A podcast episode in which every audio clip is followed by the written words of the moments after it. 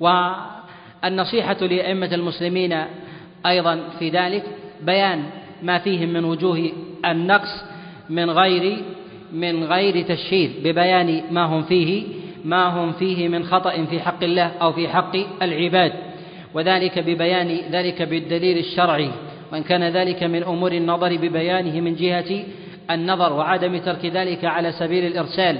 حتى لا يتربص المتربصون بتلك النصائح البينة الظاهرة حتى لا حتى لا تحرف عن مسارها إلى غير إلى غير مراد المتكلم فيها.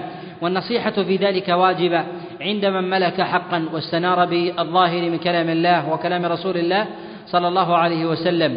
ومن كتم حق الله جل وعلا بين جوانحه مع ظهور الحق لديه ولم يعرف معروفا ولم ينكر منكرا لم يكن من أهل البراءة والسلامة. البراءة من التهمة والسلامة بين يدي الله جل وعلا. ولهذا يقول رسول الله صلى الله عليه وسلم كما جاء في الصحيح في صحيح الإمام مسلم من حديث أم سلمة قال إنه يكون أمراء تعرفون وتنكرون فمن عرف فقد برئ ومن أنكر فقد سلم ولكن من رضي من رضي وتابع. ومعنى ذلك يعني من عرف المعروف والمنكر فقد برئ ومن تابعهم على ما هم عليه يعني بتحريك الرؤوس والموافقة بالسكوت على ما هم عليه عند طلبهم النصيحة فإن ذلك لا يسلم من العقاب من عقاب الله سبحانه وتعالى العاجل في الدنيا بإنزال مكره وعقوبته من من من أنواع العقوبة والفتنة التي ينزلها الله جل وعلا على المجتمعات. سواء بالشقاق والنفاق أو العقوبات التي تنزل على الأموال أو بالأمراض أو بالزلازل والرياح وكذلك الجدب والفقر والأوجاع والأسقام والهموم والأوصاب والأنصاب وغير ذلك التي التي تلحق تلحق بالمجتمعات. فلا يحمي الله سبحانه وتعالى أولئك حتى يبينوا حتى يبينوا الحق للناس. وأعظم وجوه النصيحة إذا استغلظ المنكر وبان الفحش فيبينه الإنسان جهارا نهارا أمام سلطان جائر على وجه على وجه العدل والقسط من غير بغي. ولا تشفي فإن هذا من أعظم أنواع من أعظم أنواع العدل وأرفعها. وقوله عليه الصلاة والسلام ولعامتهم يعني لعامة الناس وسوادهم ممن لم يكن له قول أو فعل وأمر أو نهي يؤبه به فيراه الناس ولم يكن ممن يقتدى به فإن له حق النصيحة في ذلك. وذلك بالأمر بالمعروف والنهي عن المنكر ببيان ببيان الخطأ وبيان وبيان الصواب. ببيان الخطأ والتحذير منه وبيان الصواب والحظ عليه. وحث الناس على اتباع صاحب الحق والحذر كذلك من صاحب البغي على الموازنة التي حث عليها رسول الله صلى الله عليه وسلم. فالنبي عليه الصلاة والسلام بالنسبة لسواد الناس لا ينظر إليهم لذواتهم بل ينظر إلى أمور متعددة فيهم. فرسول الله صلى الله عليه وسلم ربما أنكر على أحد بعينه وأغلظ لاعتبارات متنوعة. من هذه الاعتبارات أن ينظر إلى إلى ذلك المنكر الذي وقع فيه فإذا كان مغلظا غلظ غلظ عليه ذلك.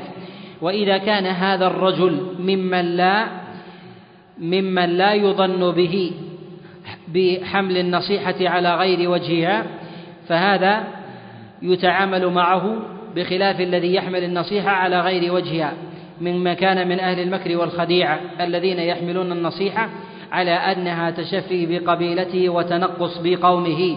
فإن رسول الله صلى الله عليه وسلم كان يتعامل مع فئام من الأوس والخزرج فينظر إليهم وإلى قومهم كحال عبد الله بن أبي وغيره. فإن رسول الله صلى الله عليه وسلم ربما تنزل معه بالعبارة مع بغيه وعدوانه على رسول الله وتربصه بالإسلام وذلك لأنه ممن يتربص بالنصيحة فيبعد بها. إلى قومه حتى حتى يتدثر بقومه فتكون حينئذ بدل أن يكون الخطأ في واحد فيشمل الجماعة. رسول الله صلى الله عليه وسلم كان يحترز لخديعة ومكر أولئك القوم. لهذا ينبغي لمن أراد النصيحة أن يميز بين ذلك وأن ينظر الأبعد ولو كان من عوام الناس. فربما فربما تعلق به أحد بسبب وسبب بسبب ونسب فيكون ذلك من أهل المكر والخديعة وإذا علم منه ديانة وصدق ووقع في منكر فإنه يتدرج ويلان معه ما يلان مع غيره. والمنكر الذي يظهره عامة الناس يختلف عن المنكر الذي الذي لا يظهره الإنسان. وقد يكون الرجل من عامة الناس ولكنه يقتدى به لجاه عنده. يختلف عن غيره فيتأسى به الناس فإن هذا ينزل بحسب حاله كما كان رسول الله صلى الله عليه وسلم ينزل الناس منازلهم كما رواه الإمام أحمد في كما رواه الإمام أحمد في مسنده وكذلك أبو داود ومسلم أيضا في مقدمته من حديث عائشة عليه رضوان الله تعالى قالت أمرنا رسول الله صلى الله عليه وسلم أن ننزل الناس الناس منازلهم يعني مراتبهم في ذلك. وهذا كما أنه في أبواب الصدقة والتهيؤ في الضيافة وكذلك الإكرام كذلك أيضا في أبواب التعنيف. فمنهم من هو من هو سيد في قومه مطاع ومنهم من هو ليس بسيد ولكنه سيد ولكنه سيد بجاهه لا بسلطانه على قومه. ومنهم من هو سيد بنسبه فينظر بحسبها وينبغي للناصح ألا ينظر إلى حظ نفسه. بل ينظر إلى حظ الإسلام فلا يقدم حظه حتى لا ينظر الناس إليه فيقولون لانا لانا مع فلان. بتهيبا له بل ينظر إلى حظ الإسلام والنصيحة أن تبلغ مبلغها وأن لا ينظر إلى إلى حظه وحقه في ذلك. فمن نظر في حقه وحظه في ذلك أمسك عن كثير من أقوال الحق لحظ نفسه وأحجم عن كثير من الباطل عن كثير من الباطل أن يبينه للناس خشية أن يقع الناس في عرضه فيذمونه ويمدحون غيره. وهذا وهذا أمر دقيق مرده إلى مراقبة الإنسان لربه جل وعلا وانصراف قلبه وانصراف قلبه إليه. وباب النصيحة باب واسع ينبغي للإنسان أن يتأمل النصوص الشرعية في ذلك وكذلك أن يكون من أهل الحكمة والدراية والنظر السبر لهدي رسول الله صلى الله عليه وسلم والخلفاء الراشدين ممن جاء بعده ممن جاء وممن جاء بعدهم من أتباعهم من أئمة الهدى من صغار الصحابة وكذلك أمراء الإسلام وفقهاء الديانة من التابعين وأتباع التابعين وأئمة الأربعة وسادة أهل العلم والفضل على مر على مر الزمان. فإن النوازل والسياسة في ذلك تختلف بين زمن وزمن فإنه ما من عصر من العصور إلا إلا ويقع فيه من النوازل ما تكرر في أزمنة غابرة فينبغي للإنسان أن يكون على معرفة تامة بأحوال الأزمنة والعصور ومن أهل قراءة التاريخ حتى لا يقع فيما وقع فيه غيره. نعم. حسن الله إليك. وعن أبي هريرة رضي الله عنه قال قال رسول الله صلى الله عليه وسلم بدأ الإسلام غريبا وسيعود غريبا كما بدأ فطوبى للغرباء. في قوله عليه الصلاة والسلام بدأ الإسلام غريبا وسيعود غريبا قوله بدأ إشارة إلى بداءة الإسلام ابتداء بمحمد صلى الله عليه وسلم وقد بدأ غريبا على نوعي الغربتين. والغربة في الدين على نوعين غربة حق وغربة حملة الحق. حملة الحق. النوع الأول هي غربة الحق أن يكون الحق منزو في بقعة معينة من البلدان ولا ينتشر أو يسر به الناس.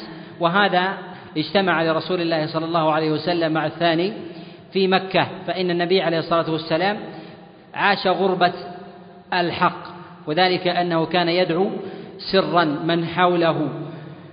ممن آمن به من النفر القليل كأبي بكر الصديق عليه رضوان الله تعالى وعلي بن أبي طالب ومن آمن معهم من النساء والصبية كأسماء عليها رضوان الله تعالى وغيرها من أصحاب رسول الله صلى الله عليه وسلم.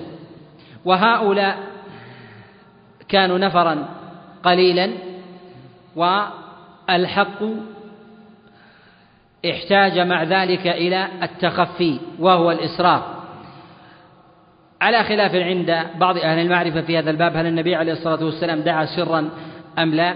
من الدعوة أصلا علانية والله جل وعلا إنما أمر رسوله صلى الله عليه وسلم أن يتدرج في أمر الدعوة فلم يكن أولئك بمخاطبين أصلا.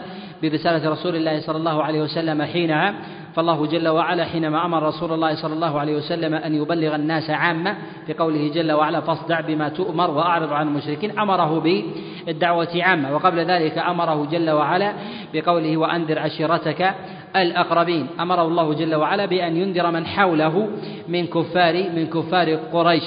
وأما من كانوا أبعد من ذلك هل كانوا في تلك الحقبة مخاطبين؟ والدعوة بالنسبة لهم سرية أم لا هذا على خلاف عند أهل, أهل العلم والمعرفة في هذا الأمر. والذي يظهر لي والله أعلم أن الدعوة السرية ثابتة. وقد جاءت عند الترمذي عليه رحمة الله في كتابه السنن بإسناد لا بأس به وقد رواها غير واحد من أهل السير كابن إسحاق وغيره. وأصلها من جهة المعنى لمن أراد أن يلتمسه في الصحيح ولكنها صراحة في سنن الترمذي وكذلك عند الإمام أحمد في كتابه في كتابه المسند. النوع الثاني من أنواع الغربة هي غربة حملة الحق يعني القلة في حملة الحق. وكأن يكونوا أفرادا معدودين أو يكونون جماعة ولكن الحق الخالص لا يحمله إلا الأفراد. فيتهيبون إبداء الحق وإن كان السواد الأعظم هم من أهل من أهل الإسلام. ولهذا رسول الله صلى الله عليه وسلم بين كما جاء في الصحيح في قول كما جاء في الخبر الصحيح في قوله عليه الصلاة والسلام لما سئل لما سئل آه، عن عدد المسلمين قالوا أمن قلة نحن يا رسول الله؟ قال أنتم حينئذ كثير يعني أهل الإسلام ولكنكم غثاء كغثاء السيل. يعني القلة في ذلك هي الطائفة المنصورة الفرقة الناجية الذين بين رسول الله صلى الله عليه وسلم أنهم المنصورون. وهؤلاء لهم أوصاف بين رسول الله صلى الله عليه وسلم حالهم وعلامات وعلامات أولئك. من أوصاف حملة الحق هم الذين يقاتلون في سبيل الله الذين يقاتلون في سبيل الله على مر العصور. والدليل على ذلك ما جاء في صحيح الإمام مسلم في قول رسول الله صلى الله عليه وسلم كما جاء في حديث عبد الله بن عمرو وغيره أن رسول الله صلى الله عليه وسلم يقول لا تقوم الساعة. قال لا تزال لا تزال عصابة من أمتي يقاتلون على أمر الله. لا يضرهم من خالفهم إلى قيام الساعة. قسم النبي عليه الصلاة والسلام في هذا الخبر الناس إلى ثلاثة فرق. الفرقة الأولى الفرقة المقاتلة وهي العصابة. الفرقة الثانية الفرق الفرقة المقاتلة. يعني المقابلة لمن قاتل. الفرقة الثالثة هي المخالفة. المخالفة الذين لا يقاتلون. والأصل في في هذا الخبر أن الفرقة المخالفة أنها تجردت عن القتال ولم تكن في حوزة المقاتلة فلم تكن في صفهم ولكنها خالفت خالفت أهل الحق في قتالهم. فلما كانوا على ثلاثة طوائف كانت الطائفة التي تقاتل في سبيل الله دفاعا عن الحق على أمر الله. ولهذا قال رسول الله صلى الله عليه وسلم لا تزال إشارة إلى الديمومية عصابة إشارة إلى القلة وهي قلة حملة الحق. مع وجود الحق مع وجود الحق في الناس والحق يشترك مع هذه العصابة المخالفين والذين قال عنهم رسول الله صلى الله عليه وسلم هنا لا يضرهم من خالفهم. يعني من خالفهم في هذا الأمر الذي هم عليه. مع موافقتهم له في الأمر في الأمر جميعا. وذلك أنهم لم ينحازوا للطائفة الثالثة الذين يقاتلون أهل الحق الذين قال عنهم رسول الله صلى الله عليه وسلم كما في هذا الخبر يقاتلون على أمر الله يقاتلون ثمة مقاتلين. ثمة مقاتلين وثم وثمة مقاتلون. يعني مقاتلون على ما هم عليه من من باطل ولكن هؤلاء لم يكونوا على ما هو على ما هم عليه. والأصل في المخالفين أنهم من أهل الإسلام لكنهم كانوا من أهل التثبيط والبعد والبعد عن الحق. الأمر الثاني أهل العلم والمعرفة.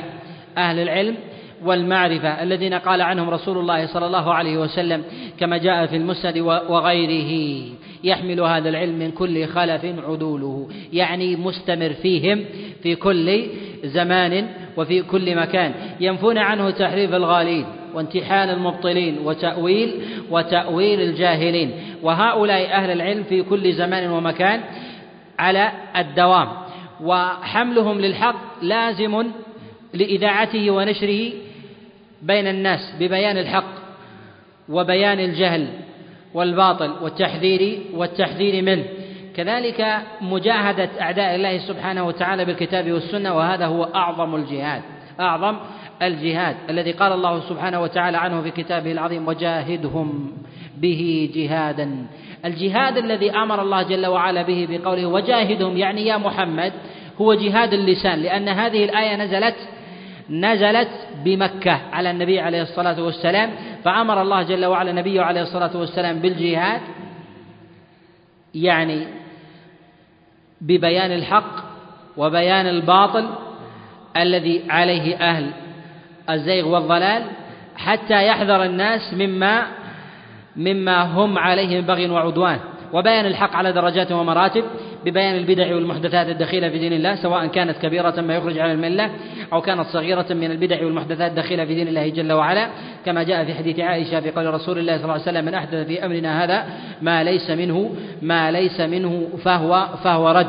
كذلك أيضا في قول رسول الله صلى الله عليه وسلم أمر الله في الخبر السابق يعني على دين الله لا يرقبون لا يرقبون حظا من حظوظ الدنيا يقاتلون على أمر الله يعني على الدين لا يقاتلون وطنية مجردة من غير من غير دفاع عن حياض الإسلام وأراضي الإسلام ولا لأجل حيازة مال وثروات أو حيازة ملك خاص وغير ذلك بل يدافعون عن دين الله سبحانه وتعالى عن دين الله جل وعلا ابتداء. على أمر الله لا يضرهم. من خالفهم إلى قيام إلى قيام الساعة إشارة إلى أن هذا الأمر مستديم إلى قيام الساعة. الغربة التي أشار أو ذكرها رسول الله صلى الله عليه وسلم في هذا الخبر بدأ الإسلام غريبا. الإسلام هو الدين الذي أنزله الله جل وعلا على كل الأنبياء والمرسلين. هو هو الإسلام. وذلك لقوله سبحانه وتعالى إن الدين عند الله عند الله الإسلام.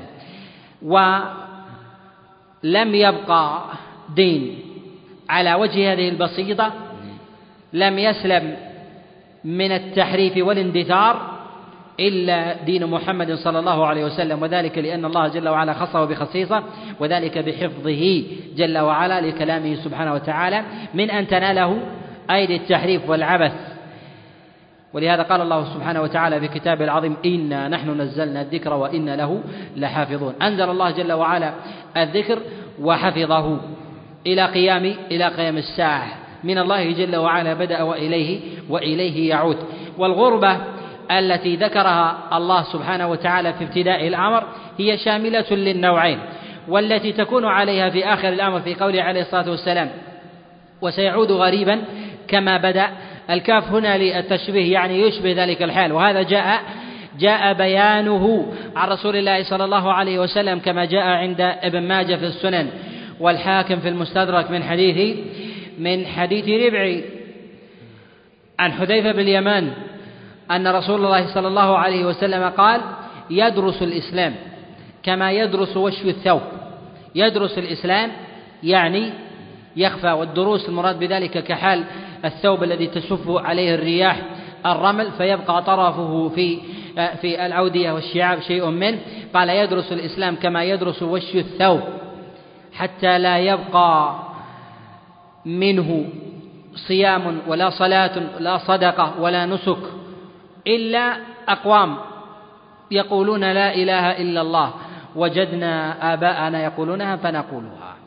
وهذا في قول رسول الله صلى الله عليه وسلم يدرس الإسلام كما يدرس الشيوخ إشارة إلى نهاية الغربة كما كان عليه رسول الله صلى الله عليه وسلم وذلك أن النبي عليه الصلاة والسلام كان في ابتداء الأمر لم يكن معه على ما هو عليه إلا إلا نفر يسير من أصحابه معدودون معدودون على أصابع اليد الواحدة سيكون ذلك في آخر الأمر.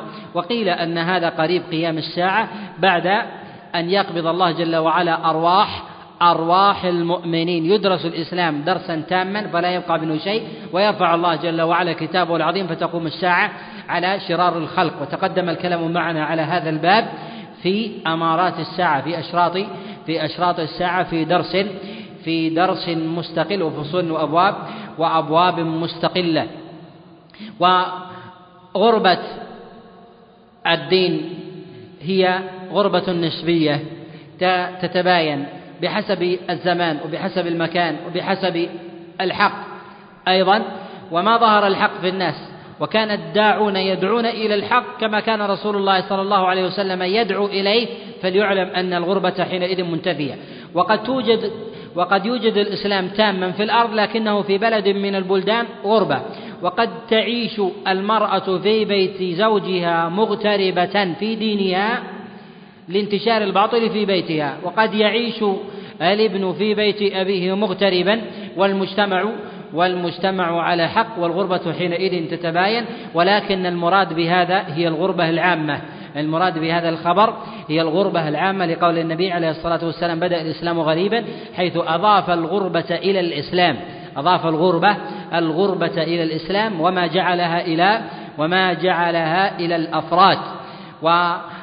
وقول النبي عليه الصلاة والسلام بدأ الإسلام غريبا وسيعود غريبا كما بدأ. فيه إشارة وإلماحة إلى التعزي والتأسي بما كان عليه رسول الله صلى الله عليه وسلم لمن وقع في شيء من أنواع الغربة بنوعيها سواء غربة الحق أو غربة غربة الحملة. ألا ألا يتهيب الإنسان الحق ولو كان ولو كان وحيدا وحده. كذلك أيضا يلزم من ذلك أن ينظر إلى أبواب وتنوع أحوال رسول الله صلى الله عليه وسلم في دعوته في غربته فيسلكها منها تحمله عليه الصلاة والسلام. كذلك تدرج النبي عليه الصلاة والسلام في بيان الحق وأن لا يأتي الحق جملة تامة حتى لا حتى لا يعافه الناس. جملة فإذا كان هذا في حق رسول الله صلى الله عليه وسلم وهو حامل الوحي فإنه في حق أتباعه من باب أولى لقصورهم عن رسول الله صلى الله عليه وسلم في من جميع الجهات. كذلك تحمل رسول الله صلى الله عليه وسلم لأنواع الأذى الذي لحقه في جسده وفي دينه وفي عرضه وفي ماله. فينبغي للإنسان أن يعرف هذه الأحوال. التي كان عليها رسول الله صلى الله عليه وسلم كذلك طرائق الدعوة. فإن النبي عليه الصلاة والسلام ما جعل دعوته في موضع دون موضع فلما ضاقت به مكة غير بلده إلى بلد إلى بلد آخر وانتقل إلى إلى إلى المدينة. كذلك أيضا ينبغي لصاحب الحق أن يحمل حقه إلى الناس لا أن ينتظر الناس أن يأتوه إليه. وهذا هو هدي رسول الله صلى الله عليه وسلم وهذا يظهر في قول الله جل وعلا لقد أضلني عن الذكر بعد إذ جاءني يعني جاءه جاءه الذكر. ومن قال إن الحق إن الحق يؤتى إليه أو العلم يؤتى إليه هذا نظر قاصر. وليس هو نهج الأنبياء بل رسول الله صلى الله عليه وسلم كان يذهب إلى إلى أمراء القبائل وأشياخها وأسيادها فيقول ألا من يحملني لأبلغ كلام كلام ربي. فكان يعرض النبي عليه الصلاة والسلام نفسه على على أمراء القبائل من ربيعة ومضر. وكان يذهب إلى عليه الصلاة والسلام إلى الطائف وذهب إلى أطراف إلى أطراف مكة آه، ليجد نصيرا ومعينا. كذلك ينبغي للإنسان أن ينظر إلى هدي رسول الله صلى الله عليه وسلم ببلوغ الحق. فإن من الأصول في هذا الأمر أن الحق وبلوغه للناس هذا هو المقصد ولو كان على أكتاف الضلال والفجار. إذا ضعف عن حمله أهل الحق. فرسول الله صلى الله عليه وسلم قال كما جاء في الصحيح إن الله لا يؤيد هذا الدين بالرجل الفاجر. كذلك فإن رسول الله صلى الله عليه وسلم اتخذ دليلا واتخذ حارسا واتخذ أيضا عليه الصلاة والسلام من يعينه على بعض أمره ممن لم يكن على دينه في ابتداء أمره في حال الضعف.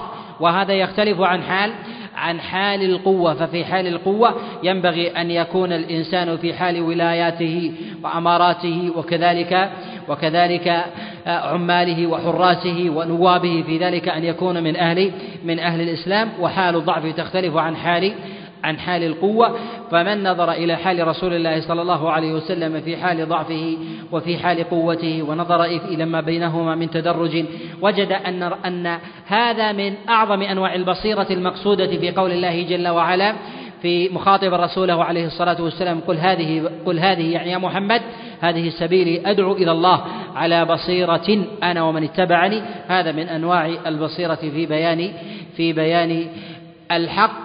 ومن أعظم البصيرة في بيان الحق أن يعرف الإنسان مراتب الحق حتى يعرف بعد ذلك مراتب التدرج التدرج فيه حتى لا يخلط حتى لا يخلط الإنسان في هذا في هذا الباب. نعم. قال النبي عليه الصلاة والسلام فطوبى للغرباء. النبي عليه الصلاة والسلام في سياقه لهذا الخبر هو خبر يتضمن مدحا لحال أهل الغربة. وذلك أنهم أهل فوز ورفعة عن غيرهم. فالزمن الذي يشتهر فيه الحق الإتيان بالحق فيه موافقة لسواد الناس يختلف عن الإتيان بالحق موافقة لسالف لم يره. أو لصحف يأنس بها. وسواد الناس في زمنه على خلافه. ولهذا جعل النبي عليه الصلاة والسلام حال المتأخرين في العمل من جهة الأجر في أجناس العبادة أعظم من حال السالفين. وذلك لأن حال السالفين بعد استقرار الأمر كان في في موافقة سواد الناس للحق. ولهذا يقول النبي عليه الصلاة والسلام كما في المسند والسنن وغيرها لما قال عليه الصلاة والسلام في الخبر الطويل أي المؤمنين أعجب إليكم إيمانا قالوا الملائكة قال ما لهم لا يؤمنون وهم عند ربهم. قالوا الأنبياء قال وما لهم لا يؤمنون والوحي ينزل عليهم. إلى آخره قال النبي عليه الصلاة والسلام هم أقوام يأتون بعدكم يؤمنون بصحف يقرؤونها. يعني يتبعوني على صحف يقرؤونها. فهم اتبعوا لسالف فاتبع لسالف. شاق على النفس إذا كانت المشاهدة تخالف تخالف ما عليه الإنسان لأن الإنسان يحب الموافقة وهذه على تباينها. فالإنسان إذا كان تؤثر عليه المشاهدة مشاهدة شخص على باطل تؤثر عليه فكيف بسواد الناس؟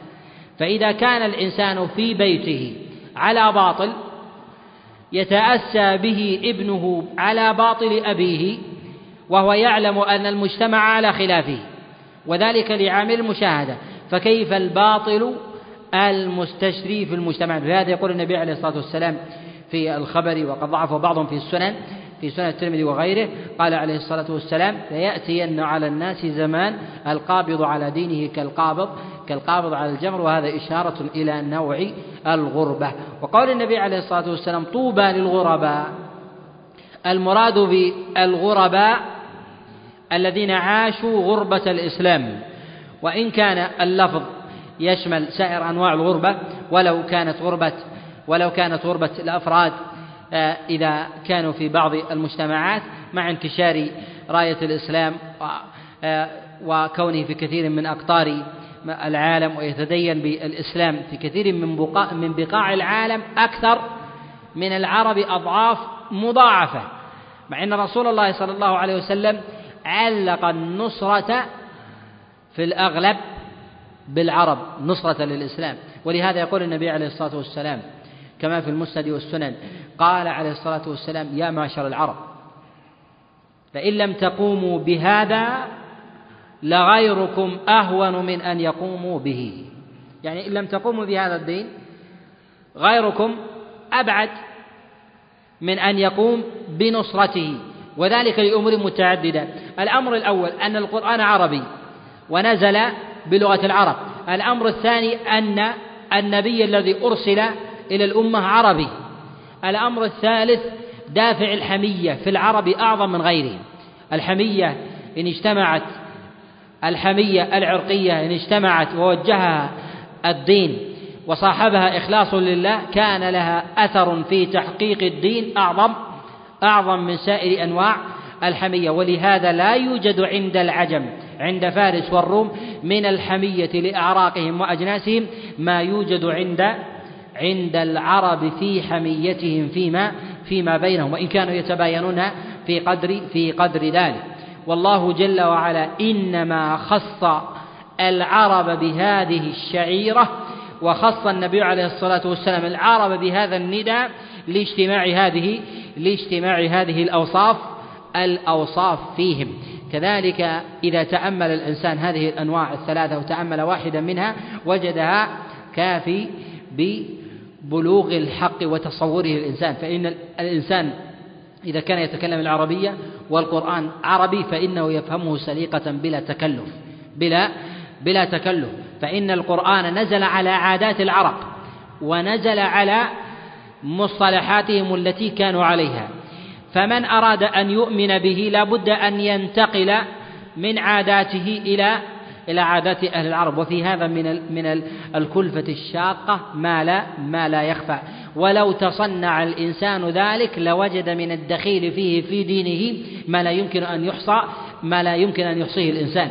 ولهذا أكثر البدع دخلت في الإسلام من العجم الذين دخلوا في الإسلام تدينا صدقا وإخلاصا لله جل وعلا. فدخلت فدخلت البدع والإحداث في دين الله سبحانه وتعالى. وإن كانوا من أهل من أهل العربية نطقا لكنهم لم يكونوا من أهل السليقية لم يكونوا من أهل السليقية فمن نظر إلى أهل البدع في هذا الأمر كالذي ممن أحدث بدعة الجهمية والاعتزال كذلك أيضا التشيع والخرافات والصوفية وغيرها وغيرها أيضا من من البدع الحديثة من من الماتريدية وكذلك النقش النقشبندية وأنواع الطوائف الصوفية وغيرها يجد أن أصلها من عجم دخلوا في الإسلام فطوعوا الإسلام على بعد فهمهم وعلى وعلى ما يرونه من الإسلام وقصدهم من ذلك التدين بالحق. ومن نظر أيضا إلى دواوين الإسلام إلى دواوين الإسلام في أبواب التفسير تفسير القرآن. ولو كانوا من أهل الفصاحة عن المفسرين يجد أن العجم أو من أصله أعجمي يقع في التأويل والابتداع وصرف القرآن عن غير مراد الله بحسن قصد بخلاف ما يقع من العرب من العرب الفصيح ولو كان دونه علما ولو كان دونه دونه علما وإدراكا. ولو أخذ العربية وفهمها وبالغ فيها وحفظ من أشعار العرب الجاهليين وعرف من بلاغتهم ما عرف إلا أن السليقة لها أثر في ذلك. ولهذا من نظر إلى الزمخشري وهو إمام في اللغة بأنواعها يجد حجم الحيدة عن طريق الصواب إلى طريق الباطل في تأويل كلام الله سبحانه وتعالى كذلك غيره ممن ممن تكلم في هذا الباب. نعم. وعنه عن رسول الله صلى الله عليه وسلم أنه قال والذي نفسي بيده لا يسمع بي أحد من هذه الأمة يهودي ولا نصراني ثم يموت ولم يؤمن بالذي أرسلت به إلا كان من أصحاب النار. في قوله عليه الصلاة والسلام والذي نفسي بيده لا يسمع بي النبي عليه الصلاة والسلام جاء عنه معنى هذا الخبر في صحيح الإمام مسلم من حديث الفزاري وجاء أيضا معناه في قول الله سبحانه وتعالى وإن أحد من المشركين استجارك فأجره حتى يسمع كلام الله والنبي عليه الصلاة والسلام في قوله لا يسمع بي أحد من هذه الأمة السماع المراد به هنا على اللغة التي يفهمها السامع فإذا كان عربيا وجب أن يبلغ البلاغ بلغة العرب. بالتروي والتريث مع تحين الوقت الذي يدرك معه الإنسان الخطاب لو أراد أن يفهم والنبي عليه الصلاة والسلام إنما علق الأمر بالسماع ولم يعلقه بالإفهام لأن الإفهام مرده الباطن مرده الباطن. والإسماع على وجه يفهم ذلك الإنسان لو أراد أن يفهم كاف ببلوغ الحجة ووقوع التكليف على على السامع. ولهذا قال الله سبحانه وتعالى في كتابه العظيم وإن أحد من المشركين استجارك فأجره حتى يسمع كلام الله. ما قال حتى يفهم. وذلك لأن السماع الأصل أنه يصاحبه فهم وإلا لا يسمى سماعا لأن المسموع إذا كان مفهوما فيسمى يسمى كلاما والعرب لا تسمى لا تسمي المسموع في حال الحديث مسموعا إلا لكونه مفهوما. وأما ما لا يفهم لا يسمى لا يسمى مسموعا مما يتلفظ مما يتلفظ به الناس مما لا يت مما يتلفظ به به الناس.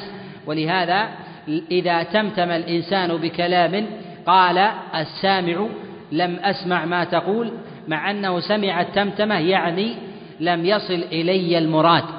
لم يصل إلي المراد مع أنه سمع سمع صوته وربما أدرك شيئا مما يقول ولكنه يقول لم أسمع لم أسمع حديثك. وهذا وهذا معلوم في كلام العرب وقول رسول الله صلى الله عليه وسلم لا يسمع بي أحد من هذه الأمة. المراد بالسماع السماع بنبينا محمد صلى الله عليه وسلم على الحقيقة الشرعية. الذي أرادها الله جل وعلا لنبينا محمد صلى الله عليه وسلم وهو تحقق وصف النبوة أن أن يبلغ الرجل أن النبي عليه الصلاة والسلام نبي وأن الله جل وعلا أرسله إلى الناس كافة. فإذا سمع الإنسان بنبوة محمد على هذا الوصف قام عليه التكليف. وإذا كان ثمة قصور في هذا لم يقم عليه التكليف. ومن أوجه القصور أن يسمع الرجل بمحمد صلى الله عليه وسلم على أنه على أنه مفكر أو أنه منظر أو أنه سياسي أو قائد عربي ونحو ذلك فإن هذا ليس هو السماع المقصود. ولكن السماع إذا قلنا أن المراد بالسماع هنا هو فهم المعنى على لفظ المخا على لفظ المتكلم. والمتكلم هو رسول الله صلى الله عليه وسلم الناقل عن ربه جل وعلا. كذلك أيضا الله جل وعلا في كتابه العظيم. وهذا المراد من وصف رسول الله صلى الله عليه وسلم بالنبوة والعبادة. وعدم الإحالة إلى الفهم لأن الإحالة إلى الفهم يلزم من ذلك شق القلب وأمره ليس ليس إلى العباد وهو خاص بالله جل وعلا. الأمر الثاني فإنه يلزم من إحالة السماع إلى الفهم تعطيل الأحكام الشرعية. وذلك لو قلنا أنه يجب على المتكلم أن يفهم السامع. ولو بالتكرار ولو مع الإملال ما دام أنه يقول لم أفهم يلزم من ذلك إبطال الشريعة. ومعنى إبطال الشريعة يبطل من ذلك إقامة الحدود بحيث يقول الإنسان أني أنكم حرمتم الزنا لكني لم أفهم وجه التحريم أو حرمتم القاتل ولم أفهم وجه التحريم. حرمتم شرب الخمر ولم أفهم التحريم. ماذا تقصدون بهذا الأمر؟ نقول أنه يلزم من ذلك تعطيل الشريعة فمجرد البلاغ ووصوله إلى مسامع الإنسان على لغته التي يفهمها كاف بإقامة الحد بإقامة الحد عليه. كذلك يعطل الجهاد. فالنبي عليه الصلاة والسلام اكتفى الله جل وعلا معه بأمر السماع كما في قوله جل وعلا حتى يسمع كلام الله. بمجرد سماع كلام الله جل وعلا المتجرد عن بيان رسول الله فما أمر رسول الله صلى الله عليه وسلم رسوله أن يضيف لكلام الله جل وعلا بيانا ليشرحوا للمشركين. لماذا؟ لأنهم بمجرد سماع ذلك الكلام يفهمون المراد. مع قولهم لرسول الله صلى الله عليه وسلم لم نفهم. هذا الكلام لرسول الله وللأنبياء من قبله. ما جئتنا ببينة وما نحن بتارك آلهتنا عن قولك. والله جل وعلا قد بين حال كفار قريش كما في قوله جل وعلا وجحدوا بها واستيقنتها أنفسهم ظلما وعلوا. جحدوا بالحق يعني في قلوبهم في في ظاهرهم وفي قلوبهم استيقنوا الحق الذي أمر الله جل وعلا به ومع هذا لم يعطل الله جل وعلا الجهاد فقاتلهم مع قولهم ما جئتنا ببينة. يعني إلى إلى الآن لم يتضح لنا مرادك من وحدانية الله جل وعلا بالعبادة. وبه نعلم أن كثيرا من الناس من يحيل العتاب وإقامة الحدود والشرائع إلى فهم المخاطبين طريقة خاطئة وليس على نهج محمد صلى الله عليه وسلم بشيء. بل إن مجرد بلوغ الخطاب على وجه يفهمها السامع يعني بلغته فلا تخاطب الأعجمي بالعربية فتقول يفهمها أو تخاطب العربي بالأعجمية أو تخاطب العربي بالعربية على لفظ قاصر بتقعر أو تحذلق لا يفهمه بل تخاطبه إذا كان من عامة الناس تخاطبه بالعامية. وإذا كان من أهل الفصاحة تخاطبه بالفصاحة. فالله جل وعلا ما أرسل رسولا إلا بلسان قومه. ومن الهدي في ذلك أن تخاطب الناس بلسانه فإذا جعل الله جل وعلا في كل قوم رسولا لأجل اللسان وجب على النذر كذلك أن يحملوا الكلام من الشريعة على لغة على لغة السامعين. وبهذا نعلم أن من بلغه عن نبينا محمد صلى الله عليه وسلم البلاغ لكن ليس على السماع الحقيقي. فسمع أن محمدا قائدا عربيا أو أنه نبي للعرب. ما سمعه أن ما سمع أنه نبي لكافة الناس فهذا بلاغ لا يجب معه المقاتلة وإقامة حكم الله جل وعلا حتى يصل إليه الأمر على ذلك على ذلك النحو.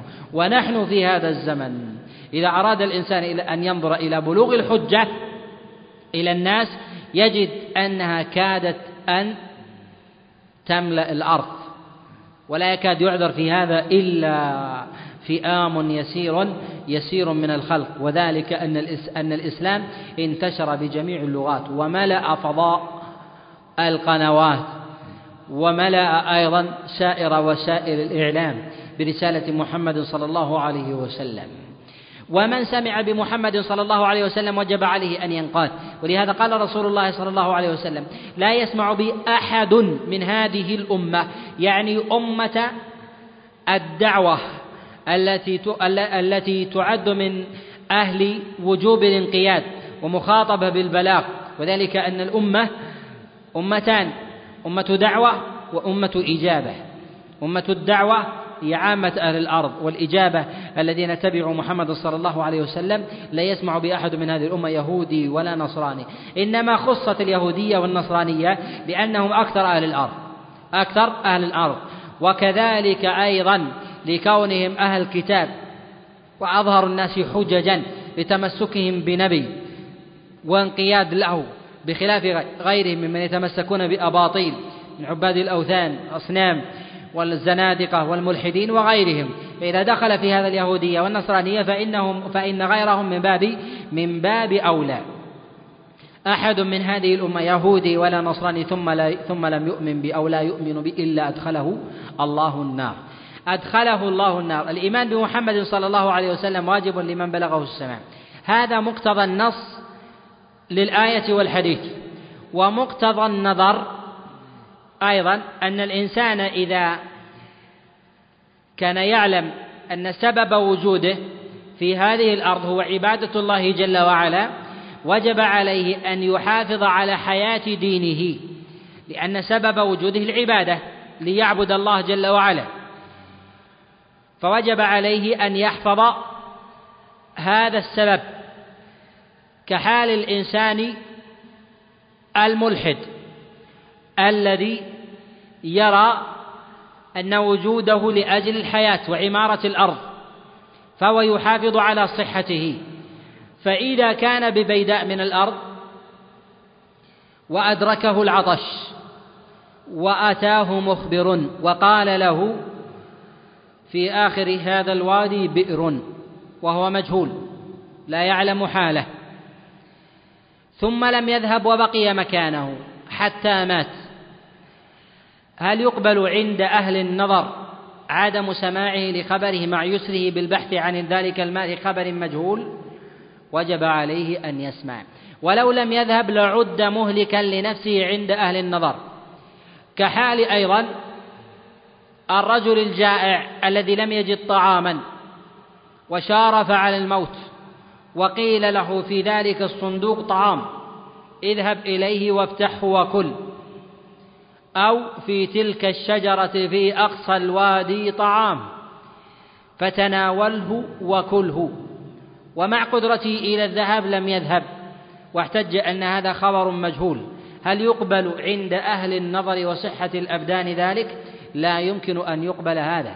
فإذا كان هذا في في حق البدن عند أهل النظر في حفظ الحياة كذلك أيضا في حفظ حياة الدين التي خلق الله جل وعلا الناس لأجلها كما في قوله سبحانه وتعالى وما خلقت الجن والإنس وجب على الإنسان أن يحافظ على دينه وأن يتبع أخبار الحق ولو بنقلة المجاهيل حتى يصل إلى الحق.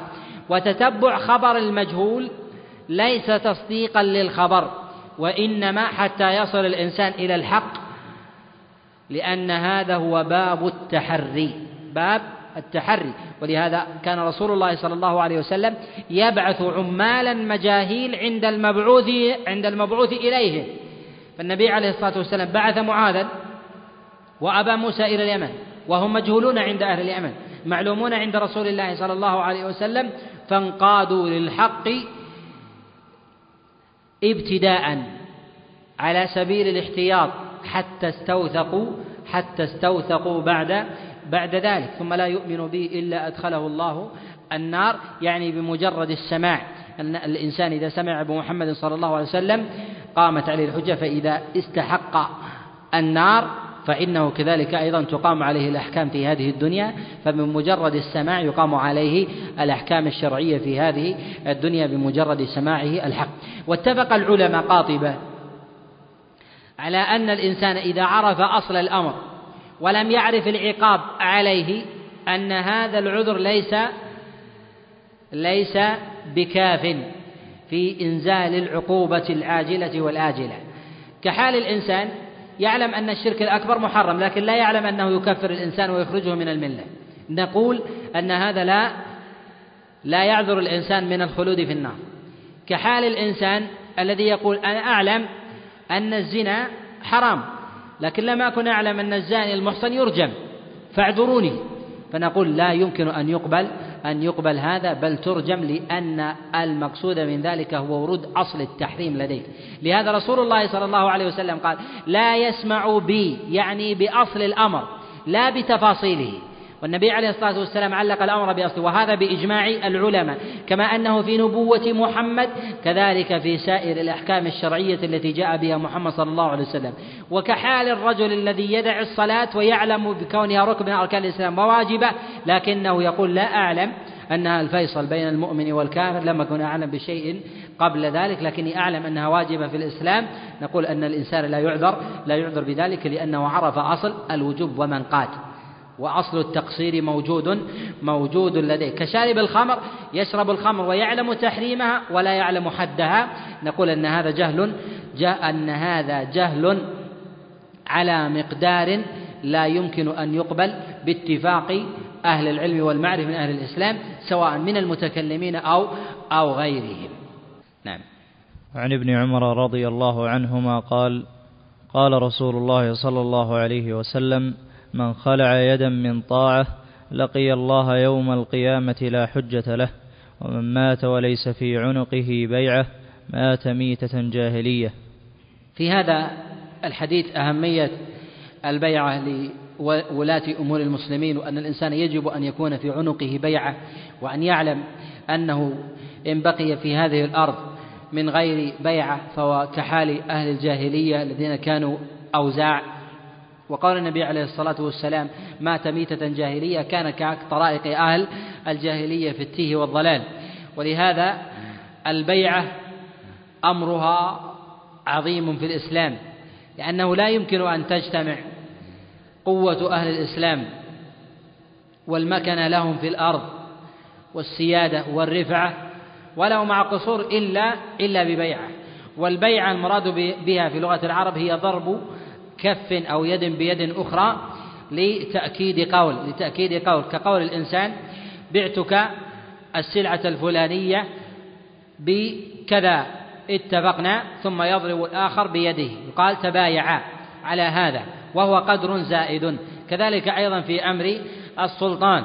ولهذا النبي عليه الصلاة والسلام كان يؤكد أمر المصافحة لأهميته وتأكيده. وإلا في ذاته ليس بلازم فإن النبي عليه الصلاة والسلام لم يكن يصافح سائر الناس. سائر الناس ولم يكن يصافح النبي عليه الصلاة والسلام النساء. مع حقه عليه الصلاة والسلام عليهن في أمر في أمر البيعة. ولأهمية البيعة بايع النبي عليه الصلاة والسلام بيعات. حتى يدرك من فاته أمر البيعة في ابتداء الأمر ممن لم تفته كذلك تأكيد من بايع ببيعة أخرى. من باب التأكيد والإلزام فإن هذا من من من الأمور الحسنة والبيعة هي من من المبايعة من المعاهدة والمعاقدة على أمر وأصبحت علما لبيعة الناس سوادهم لي لحاكم من الحكام. ويحرم على الإنسان ولو كان فردا إذا كان سواد الناس قد بايعوا أن ينفرد ما وجدت شروط البيعة في ولي أمر المسلمين مهما وقع في الانحراف والضلال والبعد عن الحق والزيغ وارتكاب الكبائر والفحش والباطل والمجاهرة بالفسق ونحو ذلك فإن هذا لا يخلي الإنسان من بيعة من بيعة الحق. والبيعة شيء والطاعة شيء آخر. البيعة تكون للوالي المسلم وإن كان فاسقا فاجرا إلا أن الطاعة لا تكون إلا بالمعروف فيطيع بالمعروف ويسمع ويطيع وينقاد ما وجد لذلك بابا من أمور انقياد. ولهذا رسول الله صلى الله عليه وسلم أمر بالسمع والطاعة في المنشط والمكره كما جاء في الصحيح أن رسول الله صلى الله عليه وسلم كما جاء في حديث عبادة بن الصامت قال أمرنا رسول الله صلى الله عليه وسلم بالسمع والطاعة في منشطنا ومكرهنا ويسرنا وعسرنا واثره علينا والا ننازع الأمر أهله. وهذا يدل على تأكيد رسول الله صلى الله عليه وسلم. ولكن العلماء قد اتفقوا على أن الطاعة الطاعة تكون بالمعروف. ولهذا يقول النبي عليه الصلاة والسلام كما جاء في الصحيح في حديث عبد الله بن عمر قال وأما في المعصية فلا سمع ولا طاعة. وجاء في الصحيح أيضا في قول رسول الله صلى الله عليه وسلم إنما الطاعة إنما الطاعة في المعروف. فيجب على الإنسان أن يسمع ويطيع في المنشط والمكره يعني رغب أو لم يرغب. ولو كان ذلك بتنازله لشيء من حقه. إذا كان بعدم طاعته ينشق سواد المسلمين. بهذا نعلم أن نزع الإنسان من الطاعة يعني مخالفة ولي أمر المسلمين سواء كان ذلك مع الإقرار بالبيعة نزع الطاعة بالمعروف أن هذا أن هذا من الأمور المحرمة وهو من كبائر وهو من كبائر الذنوب. خاصة إذا كان الأمر الأمر متعدي وقد حذر رسول الله صلى الله عليه وسلم من مخالفة ولي أمر المسلمين من مخالفة ولي أمر ولي أمر المسلمين. لما في ذلك من تجرؤ الناس. فكلما كان الإنسان قدوة وخالف تأسى الناس تأسى الناس به بمخالفة الأمر. فأصبح الناس يوالون في حال الرؤية. يطيعون إذا رؤوه ويعصون إذا لم يرهم أحد حينئذ لم تكن لم تكن طاعتهم دينا. ولهذا رسول الله صلى الله عليه وسلم ذكر ممن هو خصمه يوم القيامة. قال رجل بايع رجلا لا يبايعه إلا إلا لأجل الدنيا. إن أعطي منها رضي وإن لم يعطى وإن لم يعطى منها منها سخط. وقد سئل رسول الله صلى الله عليه وسلم كما جاء في الصحيح يعني ولو كان هذا لحظ الإنسان في نفسه قال النبي عليه الصلاة والسلام لما سئل قال يا رسول الله أرأيت إن كان علينا أمراء؟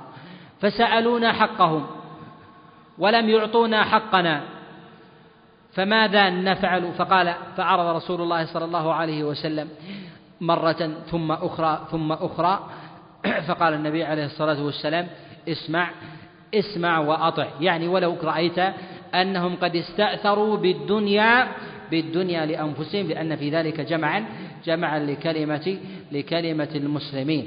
وإنما كان هذا الأمر من النبي عليه الصلاة والسلام. ذلك لأنه باختلال هذا الأمر تستباح الدماء وتستباح الأموال والأعراض. في المسلمين فيما بينهم فكم من المسلمين من له مطامع وشهوات في الناس لكنه لا يستطيع أن ينالها لهيبة السلطان ولو كان باغيا. فكثيرا ما يكون ظلم ولاة أمور ظلم ولاة أمور المسلمين مخصوصا. وإذا كان عاما فلكنه لا يقدر بالظلم الناشئ عن تخلخل الولايات.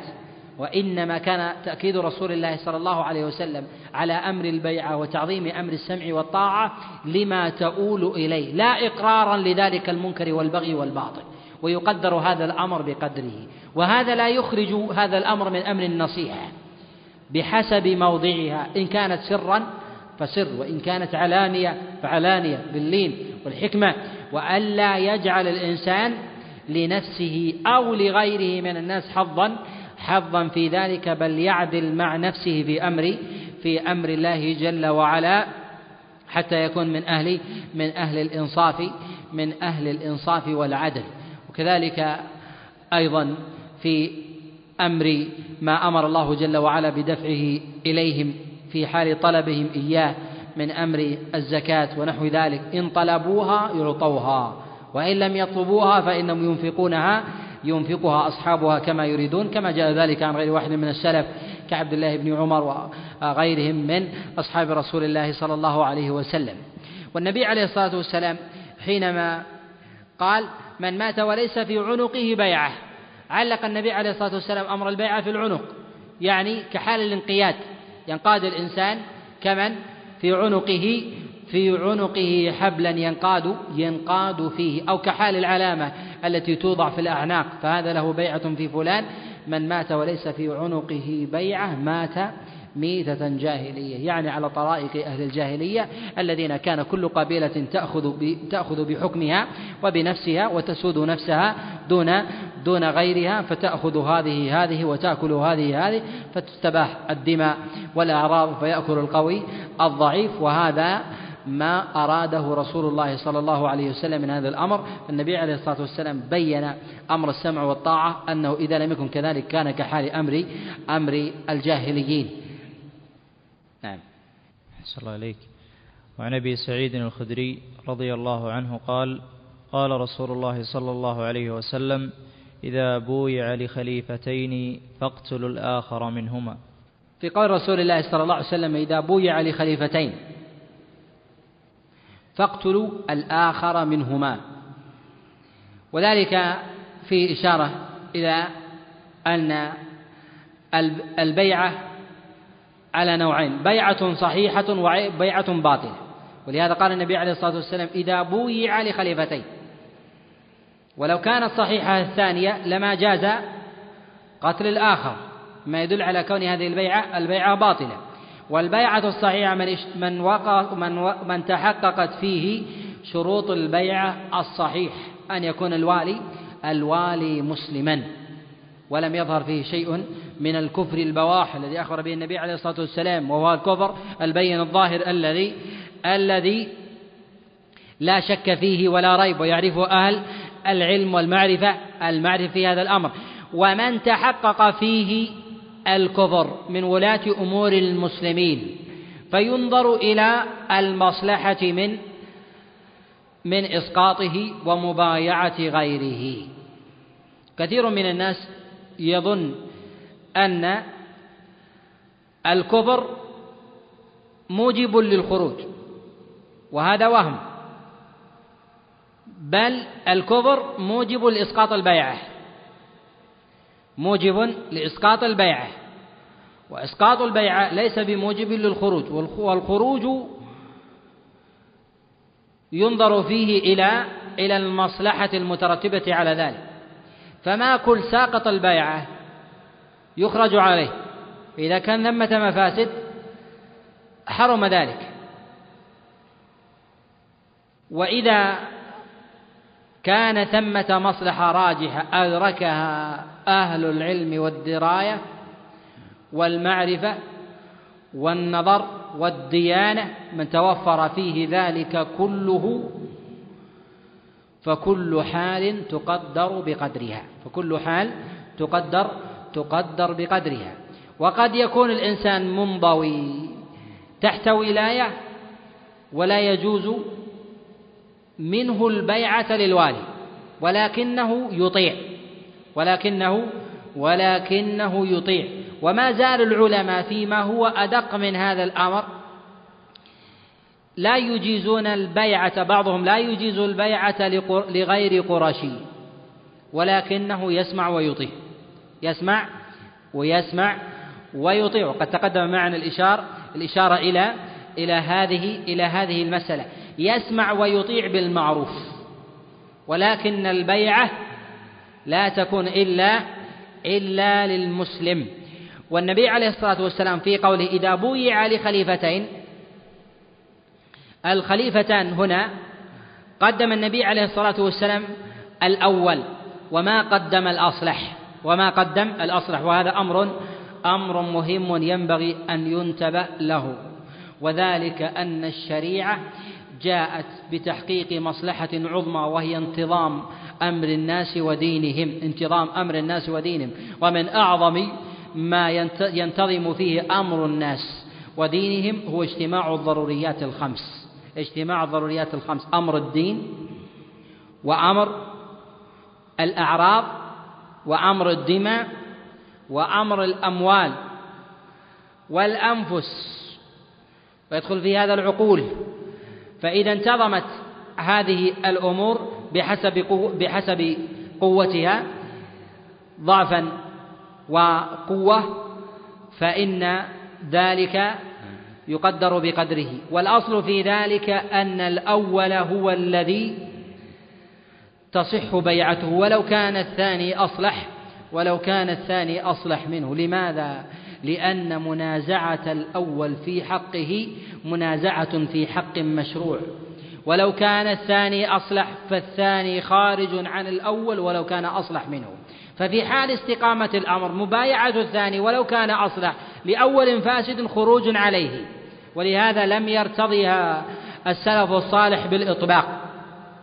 وورود البيعتين لا تخلو من من أحوال. الحالة الأولى أن يكون الأول مسلم فالثاني فالبيعة الثانية لا تصح بالإطلاق. ولو كان أصلح منه. الحالة الثانية أن يكون الأول كافر. أن يكون الأول أن يكون الأول كافر. فما حال البيعة؟ البيعة الثانية. هل تكون صحيحة أم لا؟ نقول هي مترتبة بحسب بحسب المصلحة في ذلك. لا يلزم من ترك البيعة الثانية الالتزام بالبيعة الأولى. إذا كانت البيعة كافرة إذا كانت البيعة لرجل كافر. فإذا بايع سواد الناس رجلا كافرا بيعة أولى ثم بويع بعد ذلك لرجل مسلم. هل تعتبر تلك أولى؟ نقول وجودها كعدمها. وتبقى البيعة الثانية في حكم الخروج على من بيعته فاسدة. هل يصح ذلك أم لا؟ وترجع ذلك إلى إلى كلامنا إلى كلامنا السابق وهو من فسدت بيعته لا يلزم من ذلك الخروج عليه بل ذلك بحسب المصلحة الواردة الواردة في ذلك فلا يقال أن الإنسان ينزع بيعته من الثاني ليلحقها بالأول الكافر بل يقال أنه لا يلحقها بالأول ولا يلحقها بالثاني باعتبار أن البيعة لا تكون إلا لمسلم وأما بالنسبة للثاني لا تكون إلا في حال ورود مصلحة راجحة إلا في حال ورود مصلحة مصلحة راجحة. جاء في الصحيحين وغيرهما من حديث أبي حازم عن أبي, هريرة قال قال رسول الله صلى الله عليه وسلم كانت بنو إسرائيل تسوسهم الأنبياء. كلما مات نبي بعث الله نبيا آخر. وإنه سيكثر فيكم الخلفاء. فقالوا يا رسول الله ماذا نفعل بهم؟ قال أعطوهم الأول فالأول يعني الأول بيعة فالأول بحسب المبايعة له وهذا في حال تزاحم تزاحم البيعات وهذا يرد في حال موت خليفة ذاك يبايع لخليفة وذاك يبايع الآخر للأول للأول منهما ولا ينظر في ذلك للأصلح. ولو كان الفارق في هذا ساعة باعتبار إذا كانوا من أهل الإسلام باعتبار أن الأمر أنيط أنيط بالعنق. وفي هذا أهمية إشهار البيعة وحتى حتى يفصل النزاع والشقاق. لهذا قال النبي عليه الصلاة والسلام إذا بويع لخليفتين إذا بويع لخليفتين فاقتلوا الآخر منهما. معرفة الآخر لا يمكن أن تتحقق إلا بإشهار البيعة الأولى ومعرفتها. لهذا ذكر غير واحد من العلماء أنه يجب على المسلمين أن يشهروا البيعة من أول ورودها. فذكر غير واحد من العلماء بوجوب الإشهاد أربعة كحال عمر بن الخطاب عليه رضوان الله تعالى في أمر في أمر للصحابة والشورى وغيرهم ومنهم من لم يقيد بأربعة قال يكفي ذلك الشاهدين في حال المنازعة ونحو ذلك لأن الإنسان إذا بايع خليفة لا يعلم أن يخرج خليفة بعد ساعة أو بعد يوم ونحو ذلك فيرد شقاق بين الناس. إشهار هذا الأمر ومعرفة الزمن هي من الأمور المهمة في هذا الأمر. وهنا مسألة وهي مسألة تعدد الولايات تعدد الولايات والخلفاء في الزمن الواحد. أولا اتفق العلماء قاطبة على أن أنه لا يجوز أن يكون ولاية عظمى لبلد واحد. ولاية عظمى لبلد واحد أكثر لأكثر من خليفة. فلا تجوز إلا لخليفة لخليفة واحدة خلافا لبعض المبتدعة من من الكرامية وغيرهم. وأما إذا اختلفت البلدان فهل تجوز يجوز تعدد الخلفاء أم لا؟ اختلف العلماء في هذه المسألة على قولين. ذهب جمهور العلماء إلى أنه لا يجوز بل ولاية المسلمين واحدة وإن بعدت الأراضي وأن الولاية الأولى هي الصحيحة والولايات الأخرى باطلة لا يجوز لأحد أن يبايع أن يبايع عليها وهو خروج عن طاعة عن طاعة الأول الأول منهم في ذلك. ذهب إلى هذا جماهير العلماء. واستدلوا ببعض النصوص الواردة في ذلك عن رسول الله صلى الله عليه وسلم منها ما حديث الباب ومنها ما جاء رسول الله صلى الله عليه وسلم في قوله من أتاكم وأمركم جميعا على رجل واحد منكم فاقتلوه. قالوا على رجل واحد. وهذا يقال أنه يحمل على التغليب وذهب بعض العلماء إلى أن تعدد الولايات في حال بعد الأقطار أن هذا جائز وهذا وهذا هو الراجح. ذهب إليه جماعة من العلماء كأبي إسحاق الإسفرايني من الشافعية وذهب إليه بعض المحققين من المتأخرين في ضعف ولايات المسلمين بعد بعد ضعف ولايات الإسلام كالإمام الشوكاني عليه رحمة الله. ومن قال بهذا الأمر يستدل ببعض الصور في الصدر الأول كحال القتال بين علي بن أبي طالب ومعاوية. قال إن معاوية والي وعلي بن أبي طالب والي وكل يرى أنه والي على ما هو عليه. ومن تعقب في هذا الأمر قال إن علي بن أبي طالب عليه رضوان الله تعالى هو والي على ما هو عليه ولم يكن يقر لفلان بالولاية. وفلان والي على ما هو عليه ولم يكن يقر بفلان بالولاية. ومن تحته كذلك أيضا على هذا النحو. ولو أقر كل واحد منهم بولاية الآخر لأمكن أن يقال بهذا الأمر. والذي يظهر والله أعلم جواز آه، تعدد الولايات خاصة مع مع سعة آه، أقطار العالم إلا أن هذا القول لا يقال به في كثرة ولايات المسلمين حتى تصبح الدولة الواحدة دول وولايات حتى تضعف دولة المسلمين ويسومها الأعداء سوء العذاب فتضعف في عين عدوها. فإن بلدان المسلمين كلما كانت أكثر عددا وأوسع رقعة كانت أهيب في أعين أعداء الله. ومن نظر إلى الدولة العثمانية رغم ضعفها مادة وتشتت أهلها وتنوع حالهم وانتشار البدع والخرافات إلا أنها كانت أحلى أعظم وأحلى من حال المسلمين في زماننا. ومن نظر إلى إلى حال المسلمين دويلات صغيرة يسيرة استضعفها واستهان بها أعداء الله جل وعلا من اليهود والنصارى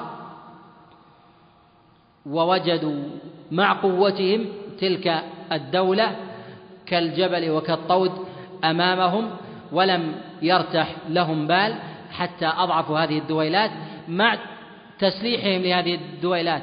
سلاحا لا يمكن أن يوجد عند الدولة العثمانية. لماذا؟ لأنها صغيرة وإن سلحت تسلط عليها الدولة الأخرى فتسومها سوء العذاب. فأصبحوا فأصبحوا يفرقون بين بين المسلمين بسبب تشتتهم. وتفرقهم بقعة وكذلك ولايات ويسلط هذا على هذا ففرقوا وسادوا وإن زعمت الأمة إنها قوية بسلاحها ودينها وتجد إن إن تفرق البلدان وتنوع وتنوع كذلك الولايات أوقع الضغينة فتجد هذا الشعب يسب الشعب الفلاني ويلعنه وتجد هذا العرق يسب العرق الفلاني ويتهكم به ويحدث معه وفيه من النكات والطرائف وغير ذلك فيشمت بذاك فينشغل هذا بهذا وينشغل هذا بثروات هذا وتجد هذا فقيرا معدما وذاك فقيرا معدما وكل يدعو إلى وطنية بلده وذاك يدعو إلى وطنية بلده فأصبح كل يفكر بهمه وهاجسه وما فكر بأمر الإسلام. ولكن إذا جمع الإسلام الأعراق والبلدان لم يكن القاسم المشترك بين هؤلاء كلهم إلا الإسلام فأصبح هو الهم الرئيس فدافعوا وذبوا عن حياض الإسلام وقويت شوكتهم ودافعوا عن دين الله جل وعلا حق الدفاع. جمع الله جل وعلا للأمة شملها ونصرها وأعزها ومكن لها وكبت عدوها. إنه ولي ذلك والقادر عليه. صلى الله وسلم وبارك على نبينا محمد. بسم الله الرحمن الرحيم. والصلاة والسلام على رسول الله وعلى آله وصحبه ومن تبعهم بإحسان إلى يوم الدين. قال المؤلف رحمه الله تعالى وعن أبي سعيد الخدري رضي الله عنه قال سمعت رسول الله صلى الله عليه وسلم يقول من رأى منكم منكرا فليغيره بيده فإن لم يستطع فبلسانه فإن لم يستطع, فإن لم يستطع فبقلبه وذلك أضعف الإيمان. الحمد لله رب العالمين وصلى الله وسلم وبارك على نبينا محمد وعلى آله وأصحابه ومن تبعهم بإحسان إلى يوم الدين. أما بعد في قول رسول الله صلى الله عليه وسلم في خبر أبي سعيد الذي رواه الإمام مسلم من رأى منكم منكرا فليغيره بيده. وهنا ثمة إطلاقات عامة إطلاق الرؤية وإطلاق المنكر وإطلاق الرائي قال رسول الله صلى الله عليه وسلم من رأى ومنكم سواء كان من الذكر أو من الأنثى سواء كان فردا أو جماعة. شريطة أن يكون من المكلفين منكرا منكرا. وهذا شامل لسائر أنواع المنكرات الكبيرة والصغيرة المغلظة والمخففة. سواء كان منكرا واحدا أو منكرات فليغيره بيده. فيما جاء عن رسول الله صلى الله عليه وسلم في هذا العموم في قوله من رأى منكم منكرا هل يدخل في هذا سماع المنكر؟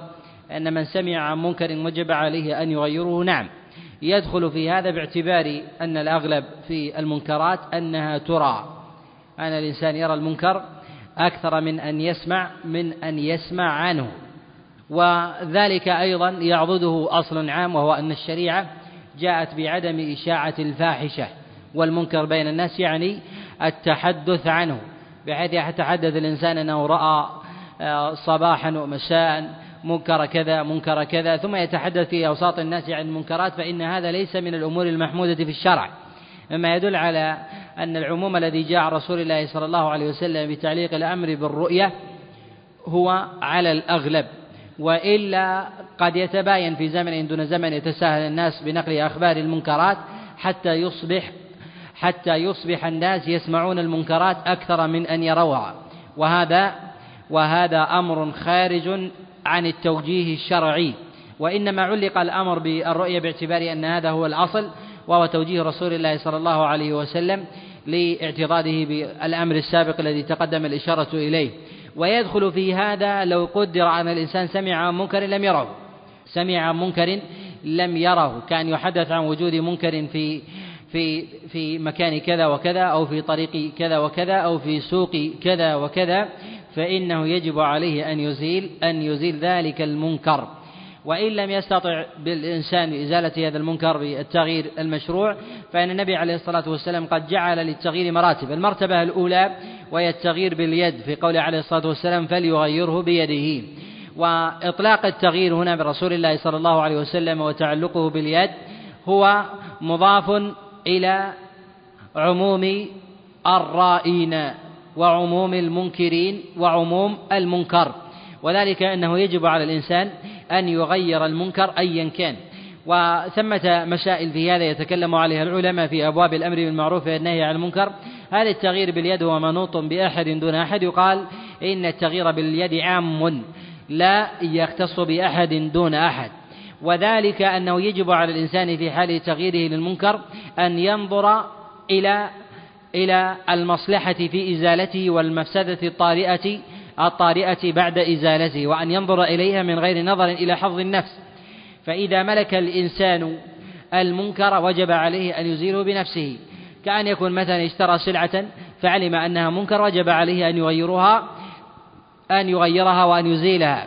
وإذا اشترى أحد ممن أمره تحت ولايته وجب عليه أن يزيل ذلك المنكر. كأن يشتري مثلا ابن له منكرا. كأن يشتري قارورة خمر أو يشتري آلة آلة معازف. ونحو ذلك يجب عليه أن يغير ذلك المنكر باعتبار أنه لا لا أثر في في بقاء في في زوال ذلك المنكر مما يتبعه من من منكر أشد منه. وأما ما عدا ذلك من المنكرات المتعدية التي يجدها الإنسان في طرقات الناس فإن هذا لا يخلو من حالين الحالة الأولى إذا وجد الإنسان منكرا في طرقات الناس فإذا أمكن أن يزيل ذلك المنكر من غير ورود مفسدة عليه فإنه فإنه يزيله وجوبا يزيله وجوبا وهذا باتفاق وهذا باتفاق العلماء. وأما المفاسد الطارئة على الإنسان من المنكر اتفق العلماء على مفسدة أنها لو وجدت أنه لا يجو أن أن هذه المفسدة لو وجدت لا ترفع التكليف عن الإنسان بالإزالة وهي اللوم. قد حكى الإجماع على ذلك ابن عبد البر عليه رحمة الله تعالى كما في كتابه الاستذكار وذلك أن الإنسان إذا وجد منكرا من المنكرات يتبعه لوم أن ذلك اللوم ليس بمسوغ بترك تغيير ذلك المنكر باليد. وحكى إجماع العلماء إجماع العلماء على ذلك. وذلك أن الله سبحانه وتعالى وكذلك النبي عليه الصلاة والسلام في مواضع من التشريع يذكرون أهل الحق أنهم لا يخافون في الله لومة لومة لائم ما يدل على أن لوم اللائم يجب ألا يكون له أثر في أبواب تغير المنكر. وأما ما عدا ذلك مما هو أعلى منه من المنكرات والمفاسد مما يطرأ على الإنسان من أذية جسده وماله ونفسه فإن هذا فإن هذا يجعل الأمر من جهة الأصل يتحول من الوجوب إلى الاستحباب. وربما يتحول من الوجوب إلى الجواز وربما إلى الكراهة وربما إلى التحريم بحسب المفسدة الطارئة من تغيير ذلك من تغيير ذلك المنكر. ولهذا تدرج الشارع في بيان أحوال التغيير في قوله عليه الصلاة والسلام فليغيره بيده. وإنما ألحق الأمر باليد باعتبار الأغلب ونصوص الشريعة تعلق الأمر بالأغلب لأن الإنسان ربما يغير المنكر بغير يده أو لا يتمكن بيده حتى يغيره بغير يده. كأن يكون مثلا بعصا أو معول أو حديد ونحو ذلك أو ربما أو ربما برجله أو ربما بإرسال رسول إليه أو ربما بحجر ونحو ذلك. ولكن الأغلب في هذا وإن وإن ولكن الأغلب في هذا يضاف إلى اليد باعتبار أنها السبب الأغلب سواء كان ذلك بمباشرة المنكر باليد مباشرة أو كان ذلك بواسطة وسيلة أخرى كأن يحمل الإنسان شيئا. بيده كعصا وحجر ونحو ذلك فهي مضافة إلى اليد باعتبار أنها أنها هي الدافعة الدافعة بهذا فإن الإنسان يقول رميت بيدي وضربت بيدي مع أنه قد ضرب بآلة وهذا وهذا سائغ وجائز في كلام في كلام العرب.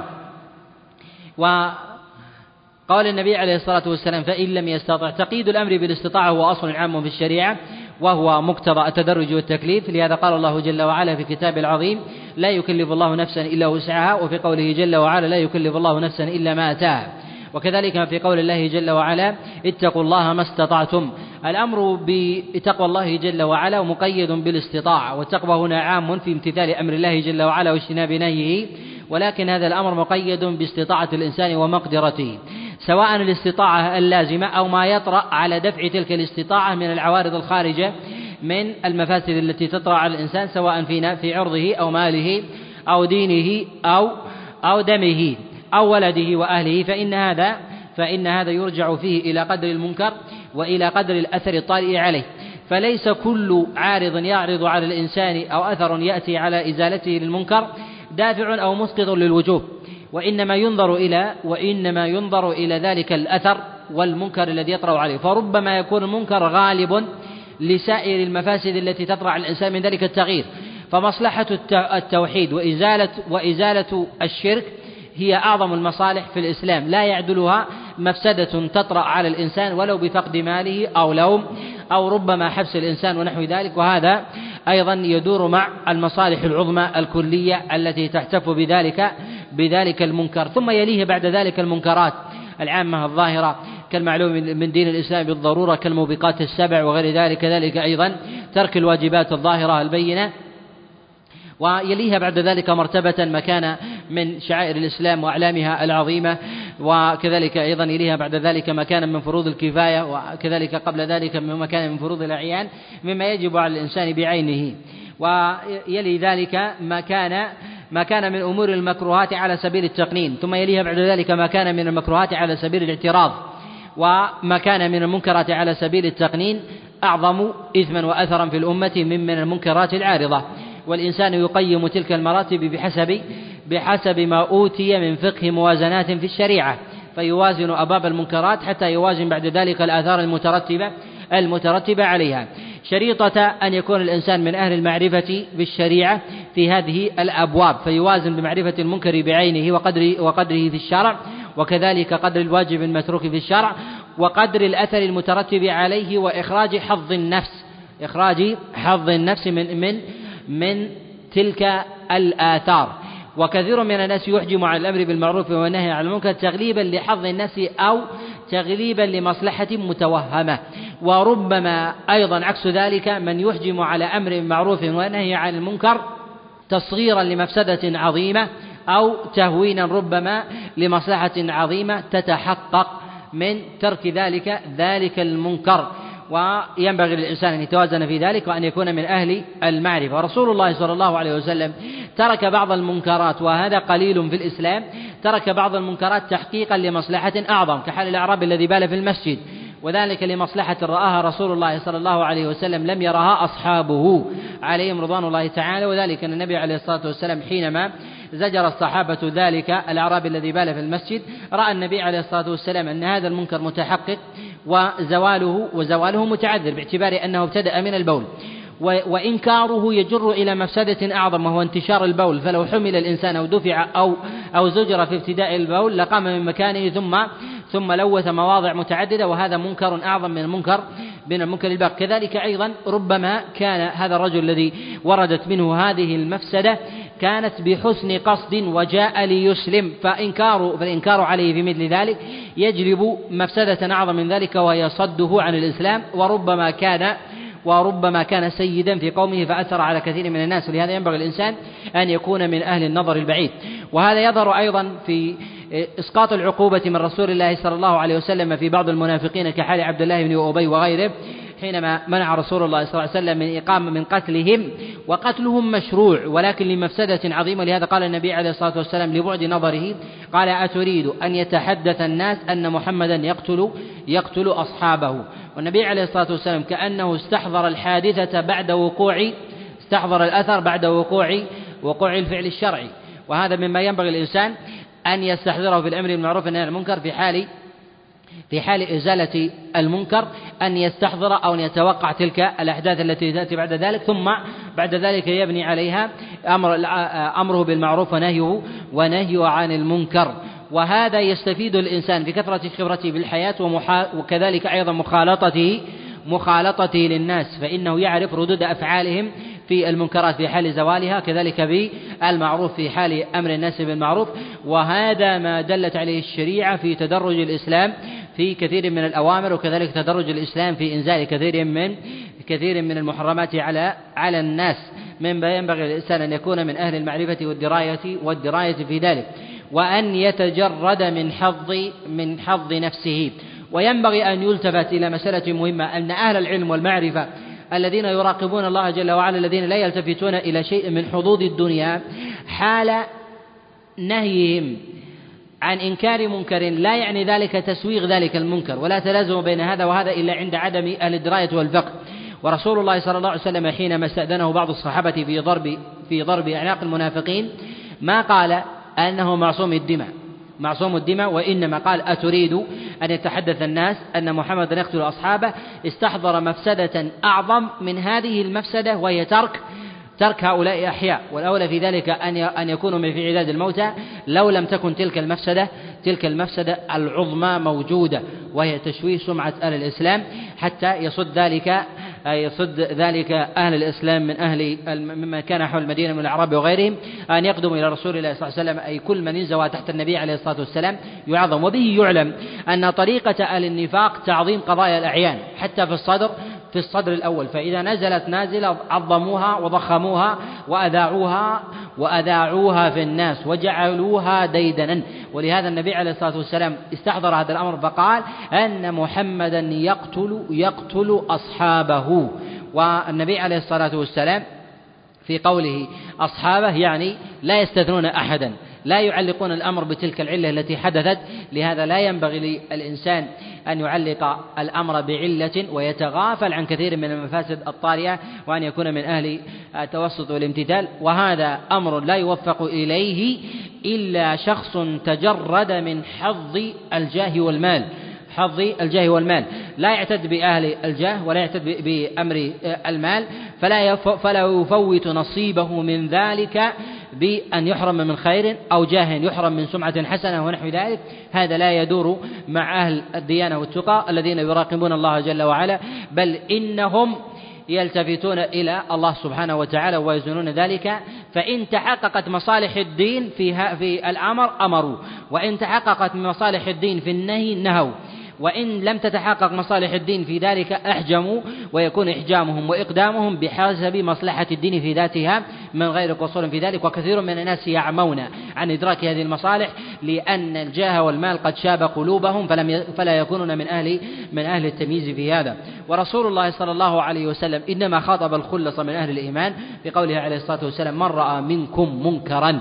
يعني أصحاب رسول الله صلى الله عليه وسلم ومن كان على طريقتهم. ولهذا النبي عليه الصلاة والسلام قال في من ينجو في آخر الزمان وكذلك بين يدي الله جل وعلا حينما سئل رسول الله صلى الله عليه وسلم قالوا من هم يا رسول الله؟ قال من كان على ما أنا عليه وأصحابي. يعني المخاطبين في قوله عليه الصلاة والسلام من رأى منكم منكرا فليغير بهدي لهذا ينبغي الإنسان أن يهتدي بهدي أولئك القوم من خيرة الخلق بعد الأنبياء الخلص الكمل من آه، من أمة محمد. الصحابة عليهم رضوان الله تعالى كالخلفاء الراشدين الأربعة وبقية العشر المبشرين بالجنة وأئمة الفقه والرأي السديد والديانة والعبادة والتجرد لله سبحانه وتعالى. وفي قوله عليه الصلاة والسلام منكرا شامل لسائر أنواع المنكرات. والأصل في إطلاق المنكر في الشريعة انه شامل لكل ما ما يأثم الإنسان بفعله أو بتركه. وهذا يدخل في أبواب فعل المحرمات وترك الواجبات. وبه يعلم أن هذا الحديث من جهة الأصل لا يشمل لا يشمل فعل المكروهات لا يشمل فعل المكروهات وترك المستحبات على الأمر. إلا في حالة واحدة وهي تقنين المنكر. تقنين المنكر. أو ما يقتضي ذلك تبديل تبديل الشريعة بجعل بجعل المكروه مستحبا أو مباحا أو جعل المستحب مباح أو أو مكروه تغييره عن حكمه الشرعي. ولو كان ذلك لا يظهر ابتداء كأن ينبحي من من أذهان الناس أن هذا أن هذا الفعل ليس بتشريع لهذا يجب على الإنسان أن يكون أيضا من أهل النظر لحظ الإسلام. أخي المستمع الكريم تابع ما تبقى من مادة هذا الشريط على الشريط التالي. مع تحيات تسجيلات الراية الإسلامية بالرياض هاتف رقم أربعة تسعة واحد واحد تسعة ثمانية خمسة. والسلام عليكم ورحمة الله وبركاته